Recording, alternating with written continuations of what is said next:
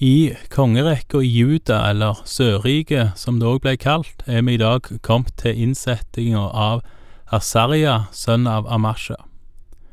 Asarja var den tiende kongen av totalt 20 i Sørriket, og sånn sett har vi kommet ca. halvveis gjennom kongsrekka i Juda.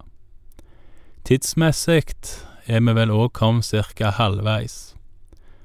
For uh, Nordriket sin del så er vi kommet relativt sett en hel del lengre, siden Nordriket falt ca. 136 år før Juda. Der har vi kommet til kong Jeroboam, altså den andre kongen i Nordriket med det navnet. Etter han så kommer der seks til, der noen av de kun satt i noen få år. Men nå til Sørriket, altså Juda. Vi leser fra andre kongebok, kapittel 15, vers 1. I det 27. året Jeroboam var konge i Israel, ble Asarja, sønn av Amasha, konge i Juda. Han var 16 år da han ble konge, og regjerte Jerusalem i 52 år. Hans mor het Jekolja og var fra Jerusalem. Asarja gjorde det som var rett i Herrens øyne, akkurat som hans far Amasha hadde gjort men offerhaugene ble ikke nedlagt. Folket fortsatte å ofre og brenne offerild på haugene. Men Herren rørte ved kongen, slik at han måtte lide av en hudsykdom helt til sin dødsdag. Han bodde i et hus for seg selv, og Jotam, kongens sønn, styrte slottet og folket i landet. Det som ellers er å fortelle om Asarja og alt han gjorde, står skrevet i judakongenes krønike. Asarja gikk til hvile hos sine fedre. Han ble gravlagt hos sine fedre i Davidsbyen, og hans sønn Jotam ble konge etter ham. Denne kong Jotam som nevnes her, både som kronprinsregent mens faren var syk, og seinere som konge etter at faren er død, han er det verdt å merke seg. Han var en av totalt fem konger i Juda som regnes som gode konger, altså da gode både i starten og i slutten av sin regjeringstid. Nå skal vi til den siste store runden med konger i Nordriket. Vi leser videre fra vers 8. I det 38. året Asarja var konge i Juda, ble Zakaria, sønn av Jeroboam, konge i Israel. Han regjerte i Samaria i seks måneder. Zakaria gjorde det som var ondt i Herrens øyne slik hans fedre hadde gjort. Han holdt ikke opp med de syndene som Jeroboam, Nebats sønn, hadde fått israelittene med på.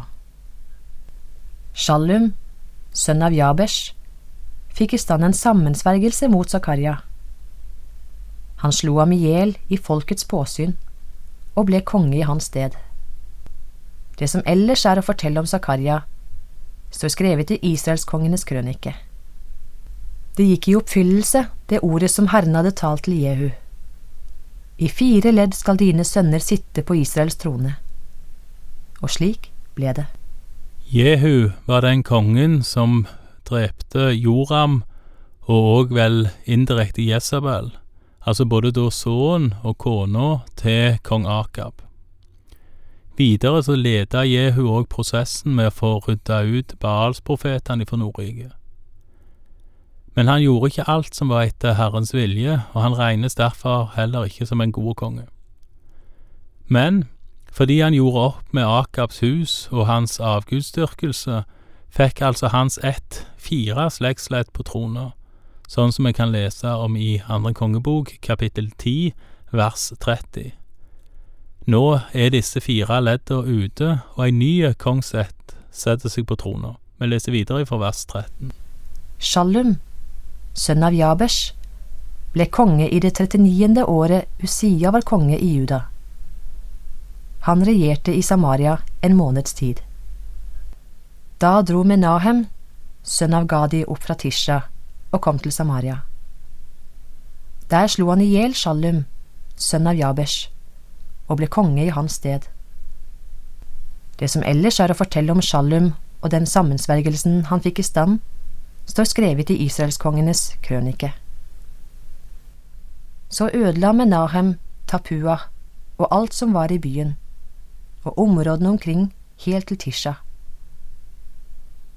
Fordi folket ikke hadde åpnet porten fram, herjet han byen og skar opp alle kvinnene som var med barn.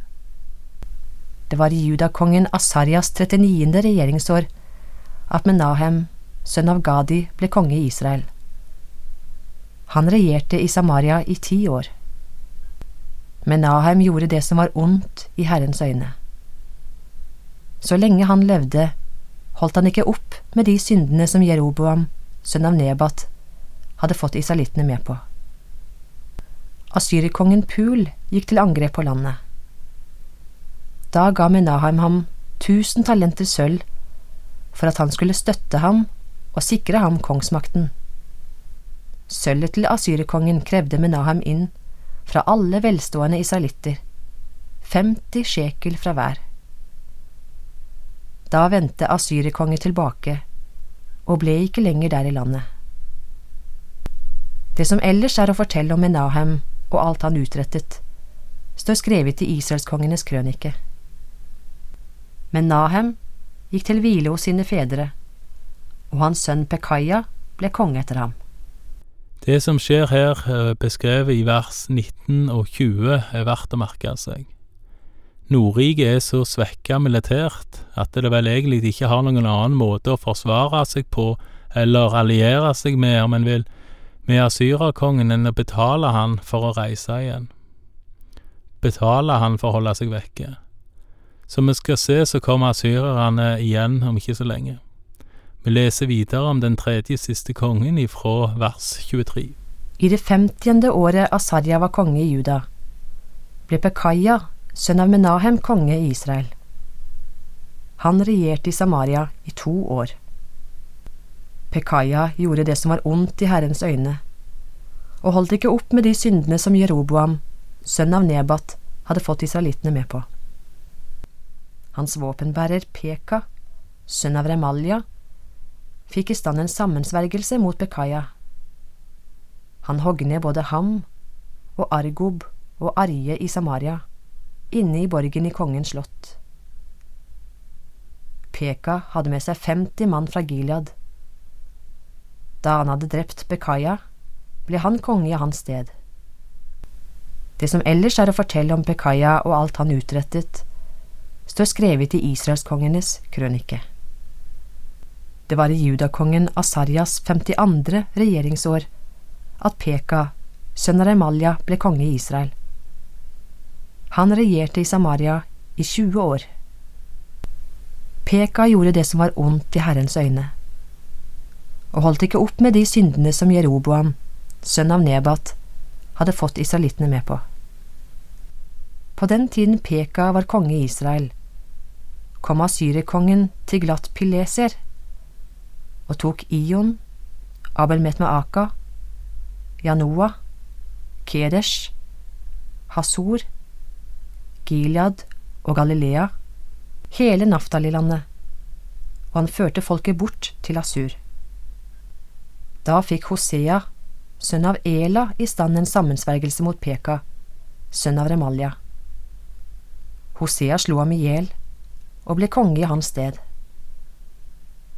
Dette var i det tjuende året etter at Jotam, sønn av Usia, ble konge. Det som ellers er å fortelle om Peka og alt han utrettet, står skrevet i israelskongenes krønike. Og med at kong Hosea dreper Peka så er vi kommet til den siste kongen i Nordriket, Israel, nemlig Hosea. Han må ikke forveksles med profeten med samme navn. Hosea han blir sittende noen år, og kapittel, kapittel 16 handler om Judariket. Derfor kommer vi ikke til Nordrikets endelige fall før i kapittel 17. Men det kan være verdt å merke seg at selv om de ulike kongsættene skifter en hel del i Nordriket, og slekta til Jehu, som vi nettopp leste om, som satt i fire ledd etter han, det er vel den slekta som varer lengst. Til tross for dette, så er det noen av kongene i Nordriket som trekkes særlig fram, og som det derfor kan være særlig verdt å merke seg. dessverre med negativt fortegn. Jeroboam, altså da den første kongen i Nordriket med det navnet, han blir sett som en sånn en referanse, da med negativt fortegn. Han var den som fikk sette inn de to gullkalvene i Dan og Betel. Derfor blir han en referanse for de andre på hvordan de ikke skulle gjøre. David var jo da referansen for de som fulgte Herren, både i Nordriket og i Sørriket, mens Jeroboam blir for kongene i Nordriket referansen på de som ikke gjorde det, altså de som ikke fulgte Herren. Og det gjelder jo da faktisk alle 19 kongene i Nordriket.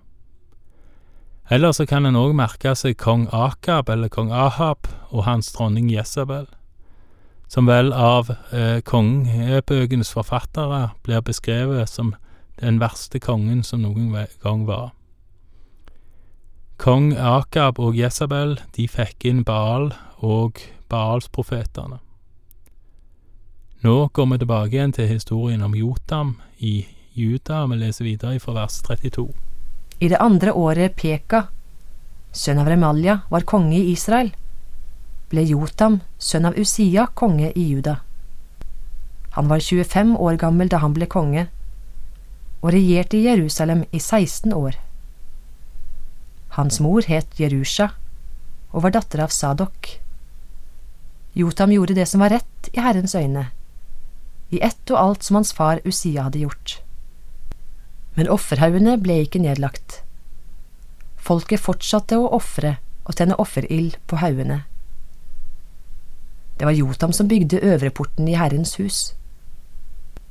Det som ellers er å fortelle om Jotam og alt han utrettet, står skrevet i judakongenes krønike. På den tiden begynte Herren å la aramerkongen Resin og Peka, sønn av Remalja, gå mot Juda. Jotam gikk til hvile hos sine fedre. Han ble gravlagt hos sine fedre i Davidsbyen, og hans sønn Ahas ble konge etter ham. Det kan virke noe rart at kong Jotam regnes som en god konge, siden han ikke fikk slutt på ofringene på haugene, han heller. Men han regnes altså for det, fordi han gjorde det som var rett i Herrens øyne. Men nå er han òg død, og sønnen Ahas, som ikke gjorde det som var rett i Herrens øyne, og dermed ikke regnes for å være en god konge, han er blitt konge etter han. Og med overgangen imellom den ene gode kongen Jotam i Juda og hans ondere sønn Ahas, så slutter kapittel 15 i andre kongebok. Takk for i dag, og Herren være med deg.